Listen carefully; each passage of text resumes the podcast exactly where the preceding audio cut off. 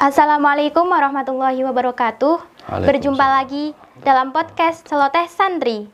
Di sini saya Ati Aulia Urahmah bersama narasumber hebat kita, Ustadz Tajudin Arafat atau sering disapa Kang Taju. Di sini kami akan membahas sedikit mengenai kepenulisan dan projab.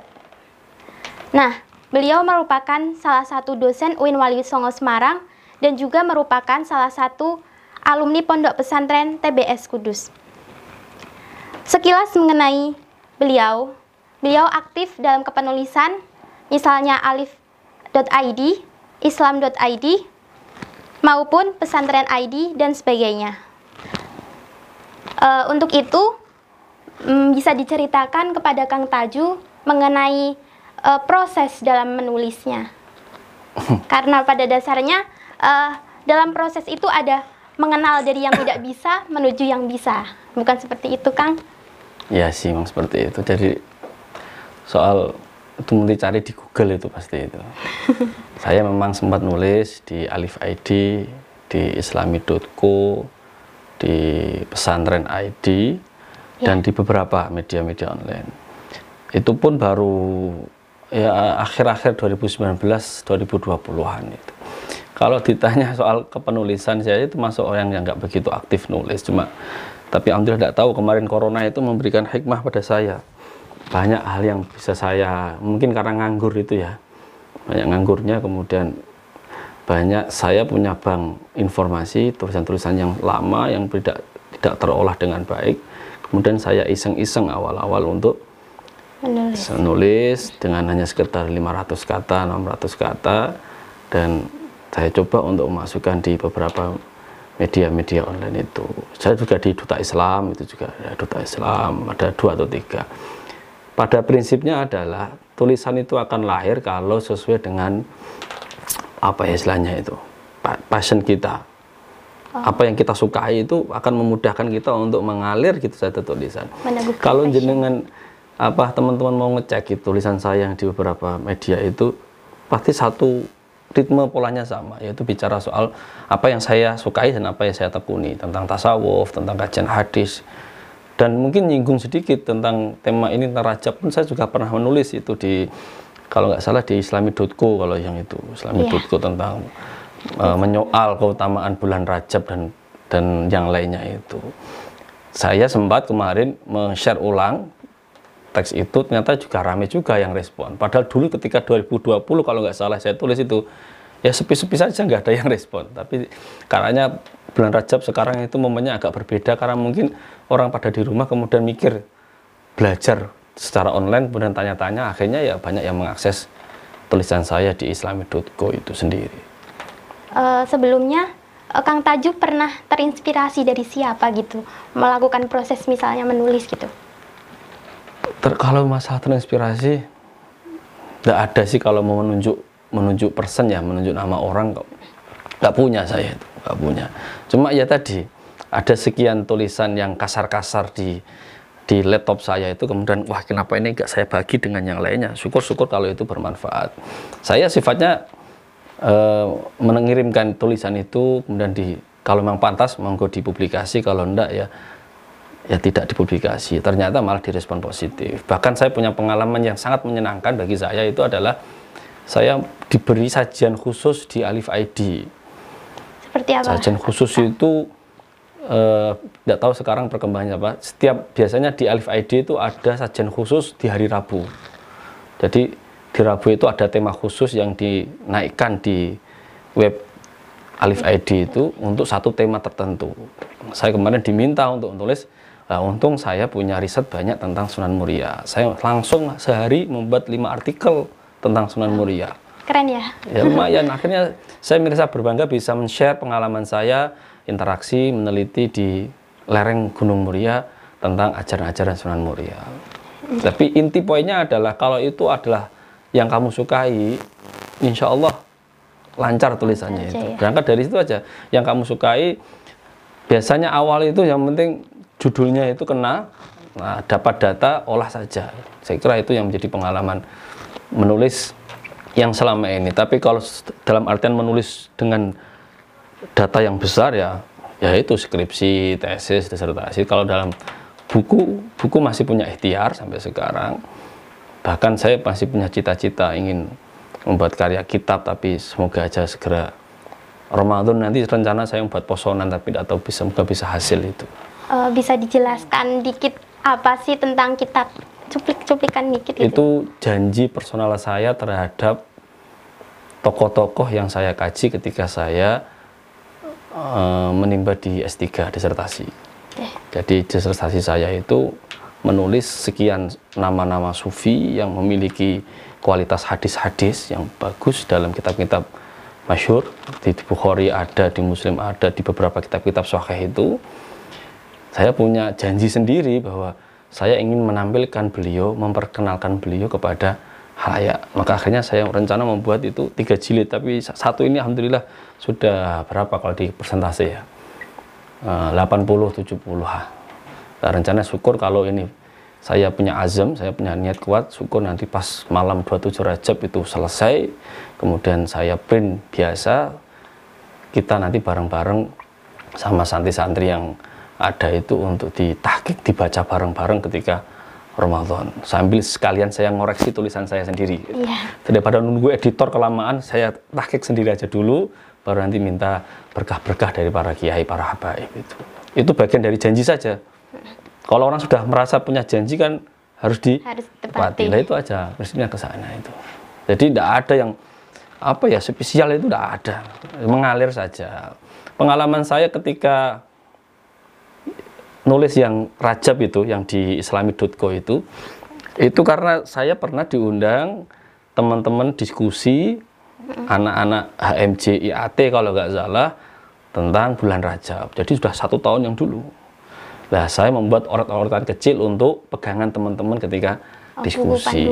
Akhirnya dapat tulisan udah ini saya kirimkan ini layak ada pantas mas tarik akhirnya ditarik di dimasukkan dalam islami.co itu seperti itu nih dok jadi nggak ada yang spesial jadi nggak perlu banyak dicari-cari ke saya itu. Jadi inti utamanya adalah itu. Passion. Kedua adalah yang paling sulit untuk kita kita apa istilahnya kita kendalikan itu adalah mood. Mood itu cari momen itu loh yang lah pas kalau seperti itu saya lampiaskan segera saya selesaikan. Kalau ini sudah nggak selesai kemudian mood saya hilang ya udah nggak itu pasti akan mangkrak dan nggak jadi Nah, di era di digital sekarang ini kan pesantren punya tantangan sendiri ya, ya Kang. Ya. Jadi, semisal uh, menghadapi sebuah tantangan di era digital terkait literasi, menurut Kang Tajud sendiri bagaimana cara meneguhkan niatnya buat para santri seperti itu? Pengalaman saya ketika uh, nulis beberapa hal yang memang yang yang bagi saya itu merepresentasikan tulisan-tulisannya santri bicara soal tentang keutamaan Rajab dan itu jelas diamalkan oleh para santri bicara soal saya sempat nyinggung soal sejarah tentang Wali Songo sempat nyinggung soal tarekat sempat nyinggung. Di antaranya adalah bagian dari saya saya mempromosikan bahwa santri juga sekarang sudah melek literasi digitalnya. Literasi digital bagi santri sudah sangat melek. Kalau anda mau list sekarang itu yang tadi jenengan sebutkan itu ada pesantren.id, ada arrahim.co, .id.com ya lupa itu. Kemudian ada duta Islam yang pernah rame juga, kemudian ada islami.co, NU online ya kan, iya. Alif ID. Itu backgroundnya adalah kaum-kaum pesantren Santri. yang sekarang sudah melek literasi. Ibaratnya kaum santri itu kayak singa tidur saja lah Yeah. Kalau mereka dibangunkan kemudian disuntik dengan sekian literasi tentang media digital, pasti mereka akan bangkit. Dan sekarang banyak sekali. Kalau Anda mau cari kanal-kanal itu untuk mengekspresikan artikel Anda, yeah. mudah sekali. Yang penting itu layak dipromosikan dan memang bertanggung jawab dalam arti adalah ini tulisan sendiri. Itu yang pengalaman. Saya jelek-jelek gini juga masuk dalam struktur pengurusnya Duta Islam bagus loh. Dutaislam.com ya kalau salah. Dutaislam.com itu kamu dicek nanti ada nama saya di situ itu? Duta ya. Islam itu yang pernah rame-rame soal uh, sering tapi fokusnya tentang kajian kitab kuning. Anda cari kitab kuning di sana ada semua PDF download gratis semua. Saya karena yang punya adalah teman saya dilibatkan untuk masuk. Maka kok gak enak kalau saya nggak punya tulisan? Akhirnya saya mengirim dua atau tiga atau empat kajian tentang lebih ke sufisme. Sufisme tradisi wali songo tradisi tradisi Islam di Nusantara, tradisi di pesantren seperti itu. Jadi larinya ya memang sesuai dengan ya hobi kita lingkungan kita itu saja. Saya nggak mungkin berani soal ngomong politik itu bukan rumah-rumah saya. Jadi ya yang yang sesuai dengan apa yang saya saya tekuni sekarang itu. Nah, kan eh, tantangan santri juga misalnya ada kaitannya yang eh, seperti postingan-postingan atau web-web radikal tapi berada di rating lebih tinggi daripada yang media-media Hmm, media. moderat Nah, ya. Itu menurut tanggapan Kang Taju sendiri bagaimana? Biar lebih eksis gitu loh. Saya juga punya pengalaman riset tahun 2019 tentang isu yang sering ramai muncul di Muslim Indonesia.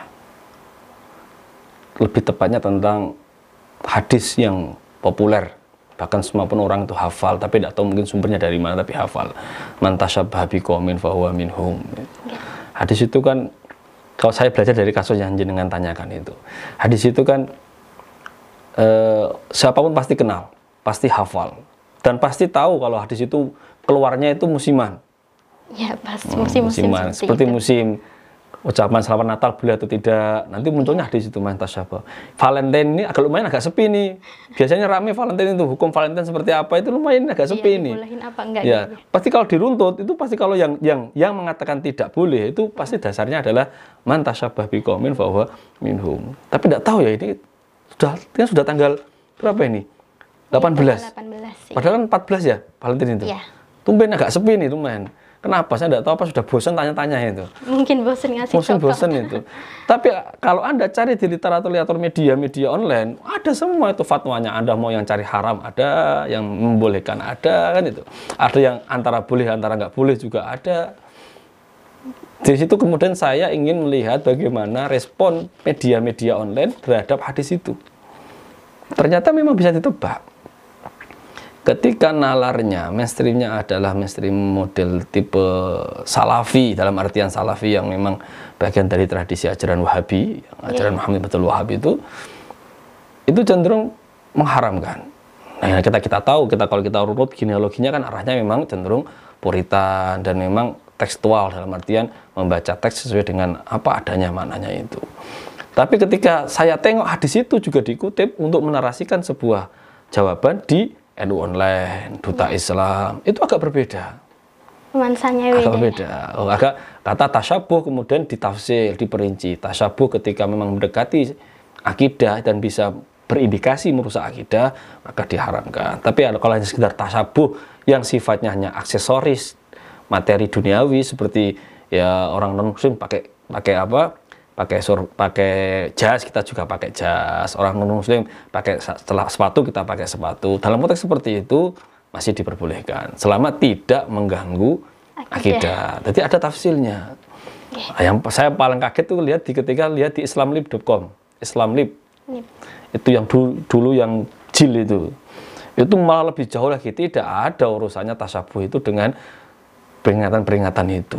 Itu hanya urusan materi duniawi yang tidak perlu dilandasi dengan dalil-dalil agama. Jadi ternyata respon seperti itu. Lah kalau jenengan tanyakan jujur saja sesu- kata kata beberapa pegiat-pegiat media online itu kanal-kanal apa ya eh, di media-media online yang berbasis moderat itu sudah menguasai Sudah. sudah menguasai kalau pakai angka ya Nggih. anda tanya tanya risetnya kamu cari di Google ketemu bahwa NU online itu sekarang yang paling di, di atas katanya Diminati. yang paling diminati masyarakat.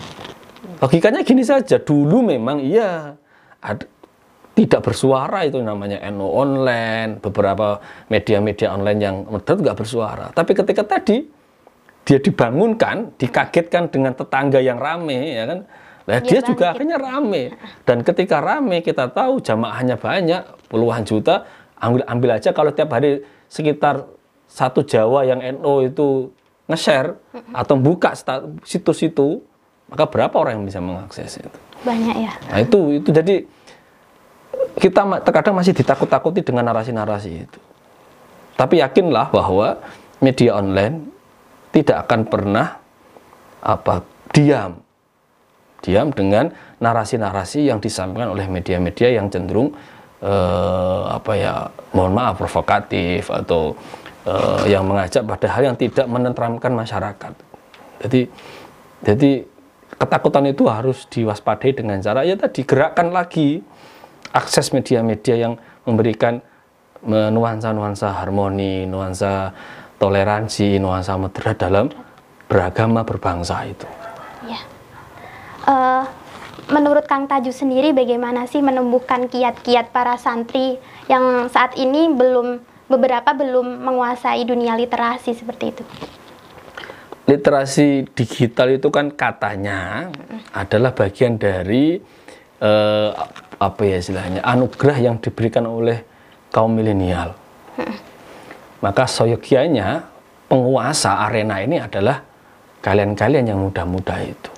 Generasi Ya, milenial. saya itu kelahiran 80-an yang katanya memang masih kategori milenial. Tapi kan saya adalah produk pola laku dari tradisi yang sebelum saya. Jadi kecekatan saya akan jauh ya dengan kecekatan-kecekatan anak-anak sekarang. Lah, satu hal yang perlu disadari adalah literasi digital sekarang itu sangat terbuka sekali. Seakan-akan tidak ada kontrol dan remnya. Kalau hanya sekedar akses berita, narasi-narasi informasi yang memang hanya sekedar urusan berita sosial politik, ya isu-isu atau berita entertainment lah, is oke okay, nggak masalah. Tapi yang perlu diantisipasi adalah ketika narasi-narasi berita itu kemudian berkaitan dengan pola perilaku keagamaan. Maka ini yang harus diwaspadai. Diwaspadai dalam artian bah- bahwa arus informasi yang begitu masif dalam literasi digital kita itu harus direm, ya, harus difilter dengan pengetahuan keagamaan kita yang mapan atau daya kritis keagamaan yang matang. Berarti perlu kritis ya. Lah iya. Ini kan masih berita. Berita itu dalam bahasa Arab, Arabnya khobar. Khobar itu imma kada sahihan wa imma kada kitsban. Ada kalanya itu informasinya benar, ada kalanya informasinya salah. Maka kalau yang lainnya monggo lah.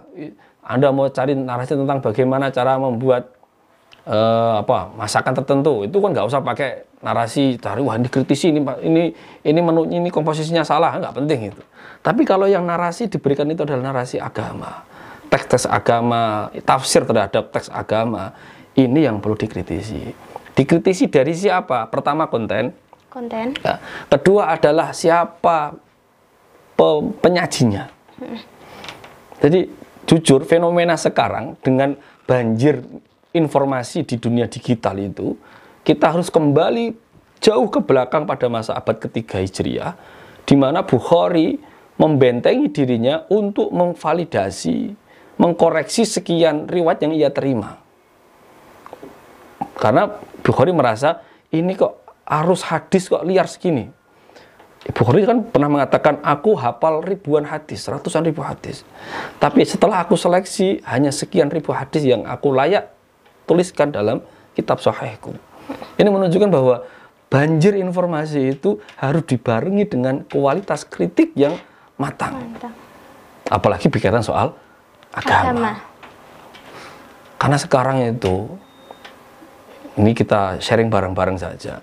Orang sekarang, pemuda-pemuda sekarang itu dari sisi apa intensitas untuk belajar agama itu tinggi. Minatnya. Karena memang Ya. aksesnya sudah mudah. Cari googling tanya bagaimana hukumnya sholat dengan mengangkat dua tangan itu caranya bagaimana gampang. Gak usah tanya guru, gak usah. Tanya kitab kesuwen.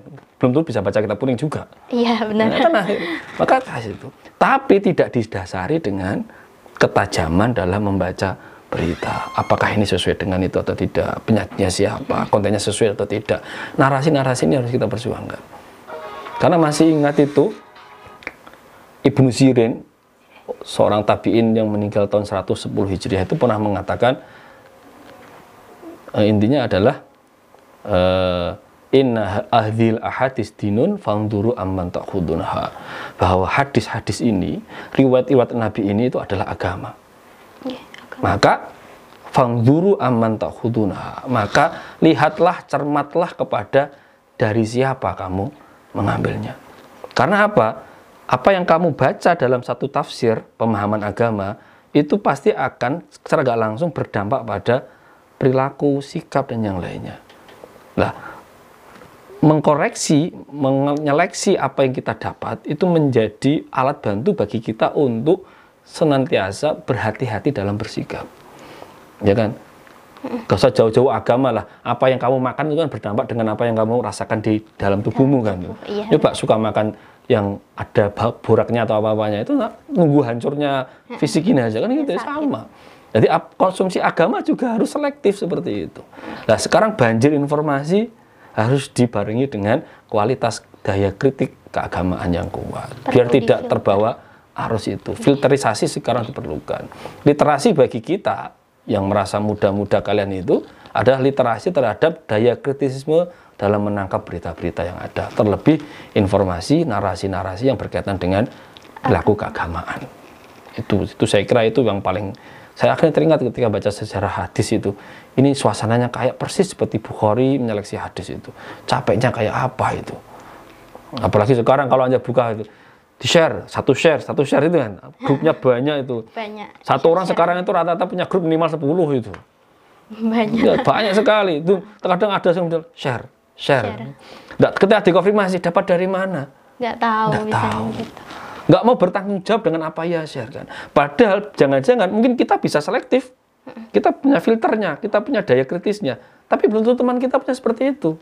Akhirnya dia kan saja itu informasi. Iya. Akhirnya dia korban dari informasi yang belum tentu valid informasinya. Maka saya kira perlu kesadaran-kesadaran itu. Kalau saya memang yang suka baca literatur dalam tradisi klasik ya, akhirnya saya sejarah itu ya berulang itu daya kritis sekarang itu karena ben, karena banjir bandangnya informasi itu orang kemudian kuat-kuatan kalau dalam orang Jawa. Ya akhirnya memang benar apa yang pernah disampaikan oleh Gusmus itu. Sekarang sing waras ora oleh ngalah. Nah, kalau orang Jawa itu kan filosofinya sing waras ngalah. ngalah. Kalau sekarang informasi seperti ini nggak terkontrol, orang saya nanya bisa mengakses informasi agama yang belum tentu itu valid informasinya, Ya sekarang orang yang waras nggak boleh diam lah. Gimana caranya? Ya dinarasikan melalui tulisan, ya melalui media online, YouTube aktifkan, kajian-kajian yang berbasis eh, keagamaan yang kuat, pondasinya, sanatnya jelas, diperkuat lagi.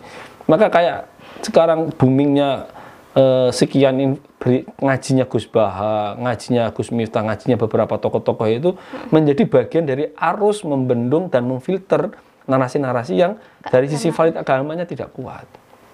Ya. Itu yang harus diperhatikan oleh teman-teman yang yang yang merasa milenial sekarang itu. ya, milenial itu. Uh, kalau dilihat dari tulisan Kang Tajusi dalam keutamaan bulan Rojab, oh, ya, itu kan itu dalam bulan Rojab kan punya keutamaan, kemuliaan seperti itu kan. Nah, secara historisnya itu gimana? Tulisan itu itu muncul dari sedikit bacaan saya dalam kitabnya Ibnu Hajar al Asqalani. Jadi Ibnu Hajar itu mungkin juga kayak kita sekarang itu. Cuma bedanya beliau jadi kitab agak ketebel. Kita cuma 500 kata gitu. Konteksnya sama. Jangan-jangan dulu zaman Ibnu Hajar al Asqalani hidup itu orang pada rame mempertanyakan tentang sekian perilaku masyarakat muslim tentang bulan Rajab itu. Nah, saya kemudian itu kitab itu bisa diakses gampang, download Google banyak sudah gratis itu. Itu kemudian saya baca itu kemudian oh ini saya perlu perlu narasikan orang dengan bahasa yang sekarang ini. Di tulisan saya itu hanya menekankan bahwa amalia-amalia rajabiyah yang diamal oleh tradisi di Indonesia, di Nusantara, secara prinsip itu bagian dari tradisi yang hidup yang sebagaimana juga diamalkan oleh para salafus soleh. Itu aja poinnya. Soal terkait kemudian dia banyak orang-orang Nusantara, orang-orang Muslim tradisional, terutama orang pesantren kemudian megangi beberapa hadis-hadis yang palsu, yang doif, itu saya sudah jelaskan di situ adalah konteksnya karena memang kita itu dulu sumber otoritasnya memang jauh dari sumber periwayatan hadis. Kita di Nusantara, di Indonesia, di ujung timur, jauh dari dari tradisi periwatan yang berkembang di daerah Mekah, Madinah, Hijaz, kemudian di Baghdad, di Irak, di Syam, Damaskus, jauh Mesir. Kita jauh sekali dan kita terlambat dari sisi sadar literasi kitab-kitab saat itu. Dan ingat, tradisi leluhur kita yang muslim itu ajarannya bukan kitab. Tidak seperti orang Arab seperti Imam Bukhari mencari hadis ada tulisannya kelihatan diamalkan enggak. Kita dari guru ke guru. Kitabnya siapa? Kitabnya ya kiainya itu kitabnya. Maka ya, kiainya kitabnya dari mana? Ya dari kiainya, dari kiainya, kiainya. Kenapa? Karena orang-orang tua dulu yang muslim itu kan buta aksara. Belum tentu bisa baca Baca Bisa kitab. Coba saya mau tanya nih. Gak usah jauh-jauh ke ke ke ke, ke leluhur, ke nenek, nenek nenek kakek kita. Kita itu dulu bisa baca Fatihah itu karena hafalan atau karena baca? Karena hafalan. Hafalan. Itu yang diajarkan oleh leluhur kita. Kalau nggak percaya, tanya nenek kakekmu, Mbah, jenengan dulu tuh bisa sholat, tahu ini takbiratul ikhram, bacaannya gini, sujudnya gini, itu dari kitab apa, Mbah? Jawabannya apa? Dari dulu. tahu. Dari kiaiku yang ngajari gini. Dengar Kalau dari berarti. dari guru TPQ ku kan itu, itu contoh bahwa literasi literasi mengakses kitab-kitab itu tidak semuanya bisa diakses. Maka apa yang dia amalkan dia sesuai dengan ajaran gurunya. Soal amalan-amalan Rajab itu ya kita menikmati dengan nuansa itu. Ibnu Hajar dalam kitab tab, namanya Tabihinul Ajab mimma waroda fi syahri rojab ada yang mengatakan tab- Tabihinul Ajab fi fadli syahri rojab tentang bagaimana Rajab. Di situ Ibnu Hajar mengulas dari awal. Mau tidak mau, ya, kamu benci nggak benci, suka nggak suka. Bulan Rajab itu sudah kadung mulia sebelum Islam datang. Yang memuliakan adalah Allah itu sendiri. Karena dalam rotasi bulan setahun yang 12 bulan itu, Allah sudah menentukan ada empat bulan yang istimewa Istimewa bulan haram gitu ya. ya bulan haram Oke. ada empat yang tiga itu berurutan yang satu ke orang Jawa namanya nyempil siji nyempil. ke Rajab Sendirian. kan yang lainnya itu Dul Dul Dul Dul Dul Dzulhijjah. Muharram. Ini yang nyempil di siji tok yang Rejab itu agak jauh dari bulan-bulan yang mulia yang lainnya. Maka kemudian ulama ada yang mengatakan namanya Syahrul Fardi. Fardun mufrad itu loh. Jadi Sendirian. bulan yang sendirian. Jumbul gak ada konco deh. Itu, itu bulan Rajab. Ada nama itu. Tradisi Rajabiyah itu sudah ada sebelum Islam. Orang-orang jahiliyah itu kalau men- ma- ma- masuk waktu Raj- bulan Rajab itu sukanya adalah berkorban, menyembelih. Ya otomatis kalau mereka untuk yang mereka yakini sebagai Tuhan itu Lata, Uzza dan seterusnya itu. Maka namanya bulan Atiroh Akhir. bulan Atiroh bagi bulan untuk menyembelih. Iya. Nah, tadi di Islam ya dia harus di bulan Rajab siapa pun mau, mau menyembelih tidak apa-apa. Ada beberapa nama yang masyhur itu antara itu Farda. Rojab itu artinya adalah kemuliaan, Kemuliaan. keagungan. Oke. Karena di situ itu orang orang-orang jahiliyah, orang-orang Quraisy, orang-orang Arab itu mengharamkan untuk berperang. Maka tidak boleh ada peperangan di bulan itu. Alasannya apa? Karena bagian dengan kemuliaannya bulan Rajab itu. Dia meyakini bahwa bulan itu istimewa. Oke. Maka ibaratnya gini kalau ada perang di bulan Safar ya perang, Rabiul Awal perang, Jumadil Akhir sudah mau Rajab, oke perangnya kita Pending dulu. kalian dulu. Iya. Turun senjata semua. Nah, nanti monggo Syaban tukarannya ya apa apa Kasarannya gitulah. Iya, benar. Nah, itu bulan bulan Mei di antaranya adalah karena di situ juga dihormati tidak boleh nama Ashul Hurum itu nggak boleh ada peperangan di sana. Rajab, Dzul Qodah, Dzul Hijjah kenapa nggak boleh perang? Karena di situ orang sedang berhaji. Oke. Haji kan syariat sebelum Islam. Mereka juga berhaji.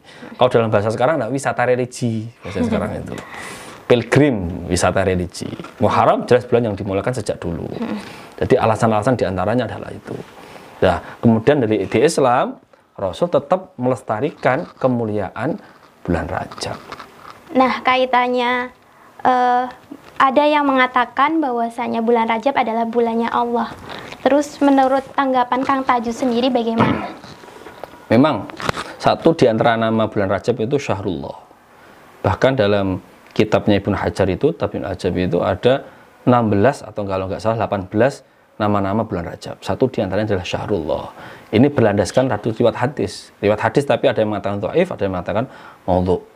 Yang menyatakan bahwa Rasul itu pernah menyatakan Rajab Syahrullah wa Syaban syahru syahri wa Ramadan syahru umati. Rajab adalah bulannya Allah, Syaban adalah bulanku dan Ramadan adalah bulannya umatku. Kemudian itu kemudian orang orang muslim mengatakan berdasarkan riwayat itu menamai Rajab dengan Syahrullah. Syahrullah.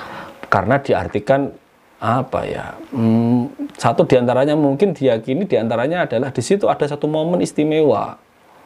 Apa itu? Yang kita diyakini malam Isra Mi'raj. tanggal 27 Rajab. Rajab. Meskipun ini nanti catatan untuk barang-barang teman. Kita koreksi. Banyak ulama memang masyhur di antaranya dari itu ya dari riwayatnya Imam Nawawi Nggih. bahwa 27 Rajab adalah Isra Mi'raj. Tapi di sebagian yang lain para ulama menyatakan tidak di bulan Rajab. 27-nya 27 Rabiul Awal. Biul awal. Satu tahun sebelum hijrah. Hijrah. Tapi tidak apa-apa lah, itu sudah ibaratnya orang Jawa itu salah kaprah. Daripada gak. Nggih. Tidak apa-apa, 27 Rajab tidak apa-apa.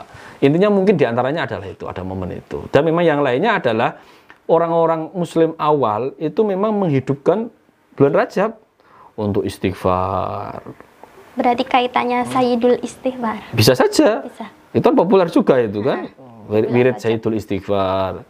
Yang Allahumma anta rabbi la ilaha illa anta dan seterusnya itu. Bisa saja.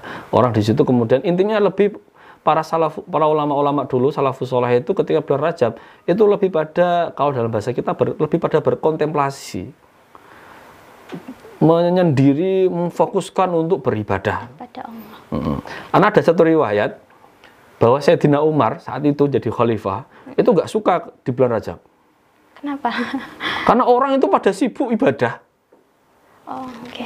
sibuk ibadah maka ada satu fatwanya Sayyidina Umar itu mem- memakruhkan dan tidak menyukai puasa di bulan Rajab Oh, oke. jadi karena orang sudah sudah sangat terkonsentrasi untuk beribadah dan tradisi ini ada dalam tradisi-tradisi tarekat. Yang saya tahu ya tarekat Naksabandiyah Khalidiyah karena saya itu dulu mondok itu pondok saya itu belakangnya itu pondok tarekat.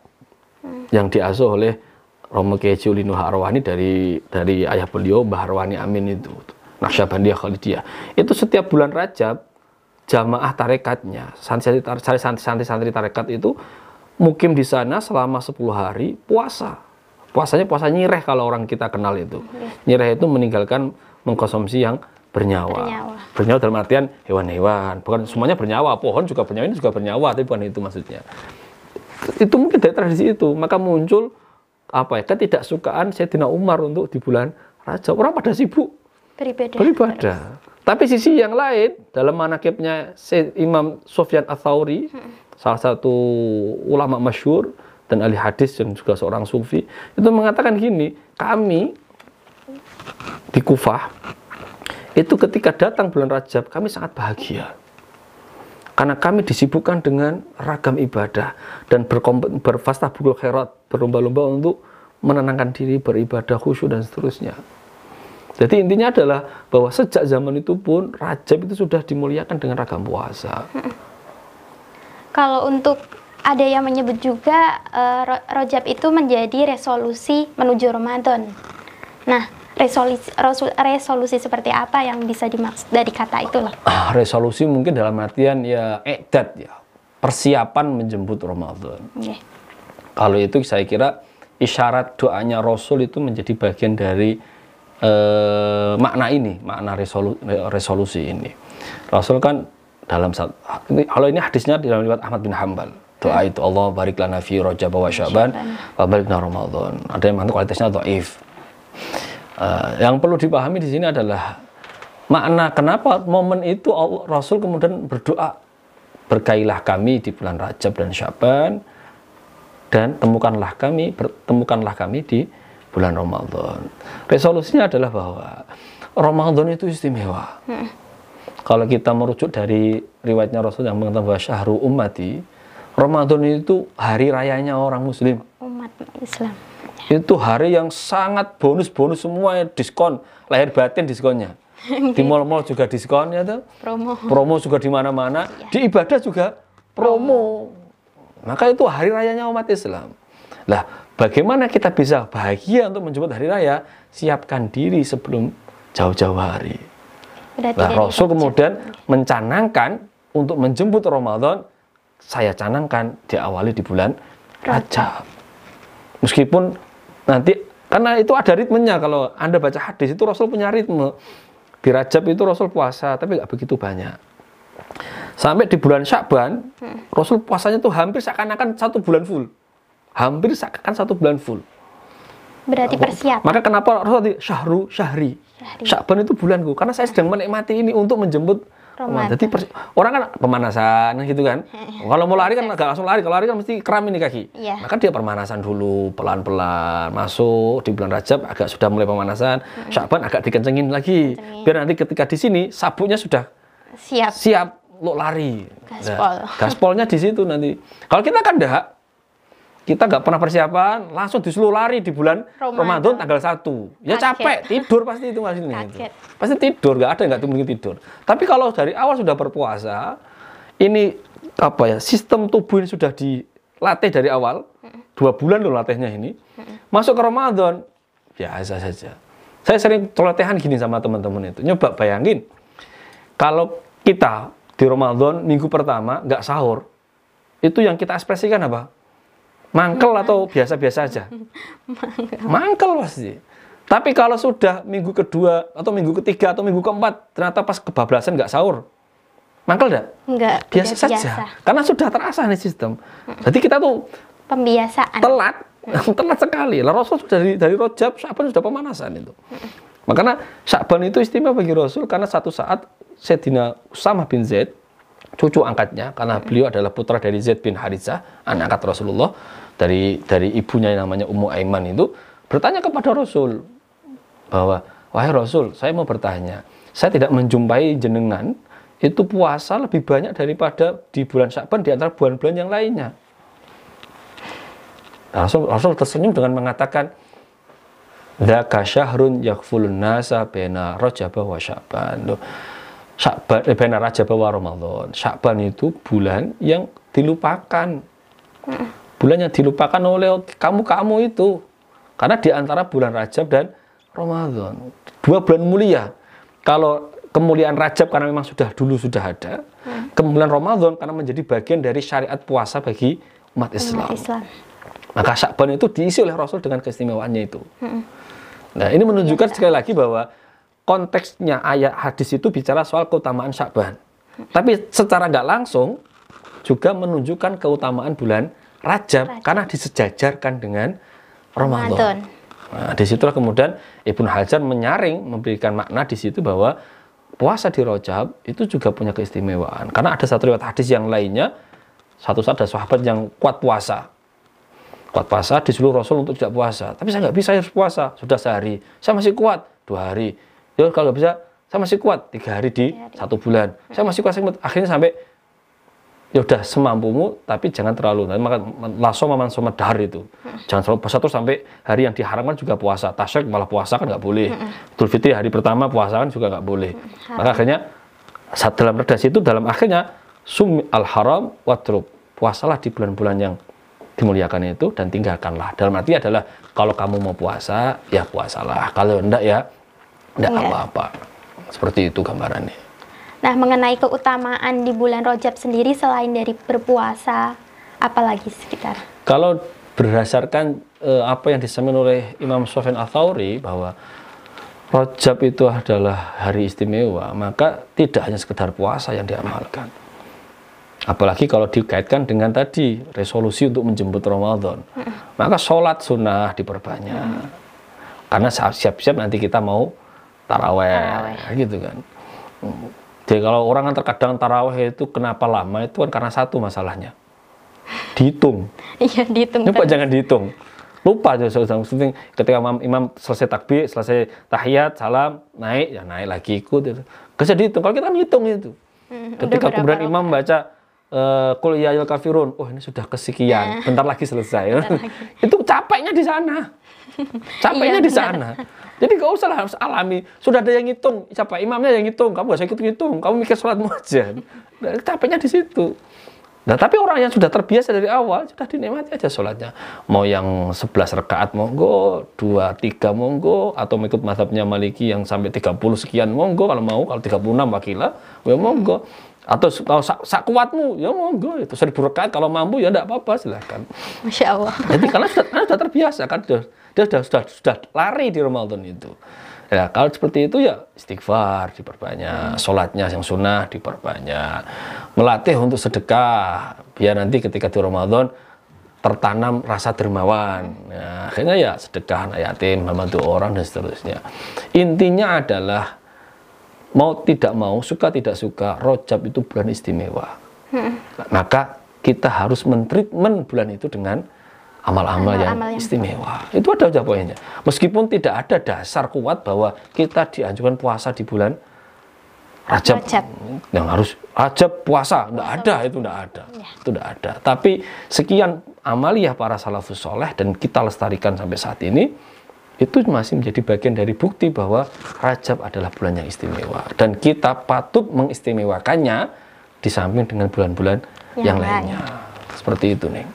Nah, eh, saya sempat lihat, sering banget lihat mengenai broadcast-broadcast di WA Ngapa itu? terkait kadang itu nge-share nge-share kayak semisal dalil untuk puasa dan sebagainya. Misalkan nge-share sekali dapat 10 pahala kayak gitu. itu tanggapannya Kang Taju sendiri gimana?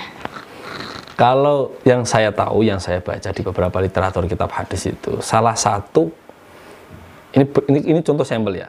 Salah satu indikasi bahwa itu hadis palsu itu biasanya itu kalau ngobrol pahala itu besar-besaran. Oh, ya biar wow gitu. Kalau nggak percaya, baca kitab Ibnu Hajar tentang tab, yang Tabyin Ajab tentang Rajab itu. Tentang bahwa kalau siapa sholat malam Rajab pasti akan dapat gini, dapat gini, gini. Satu satu hari puasa seperti puasa satu, tahun. tahun. Oh, mending ikut daripada dalil Quran itu. Wah, sing kene dalil les magem-magem nang satu hari satu, satu tahun. Enak men itu. Berarti tolong dino kalau wis hataman dalil khairat itu. itu biasanya kalau yang indikasinya, indikasi ya di antara indikasi bahwa hadis itu palsu adalah suka mengobrol janji pahala, suka menakut-nakuti dengan cara yang lebih ekstrim. Itu di antara juga di antara faktornya juga itu. Meskipun tidak semuanya Rasul Rasul dengan dengan hadis terkadang- terkadang juga mengobrol pahala.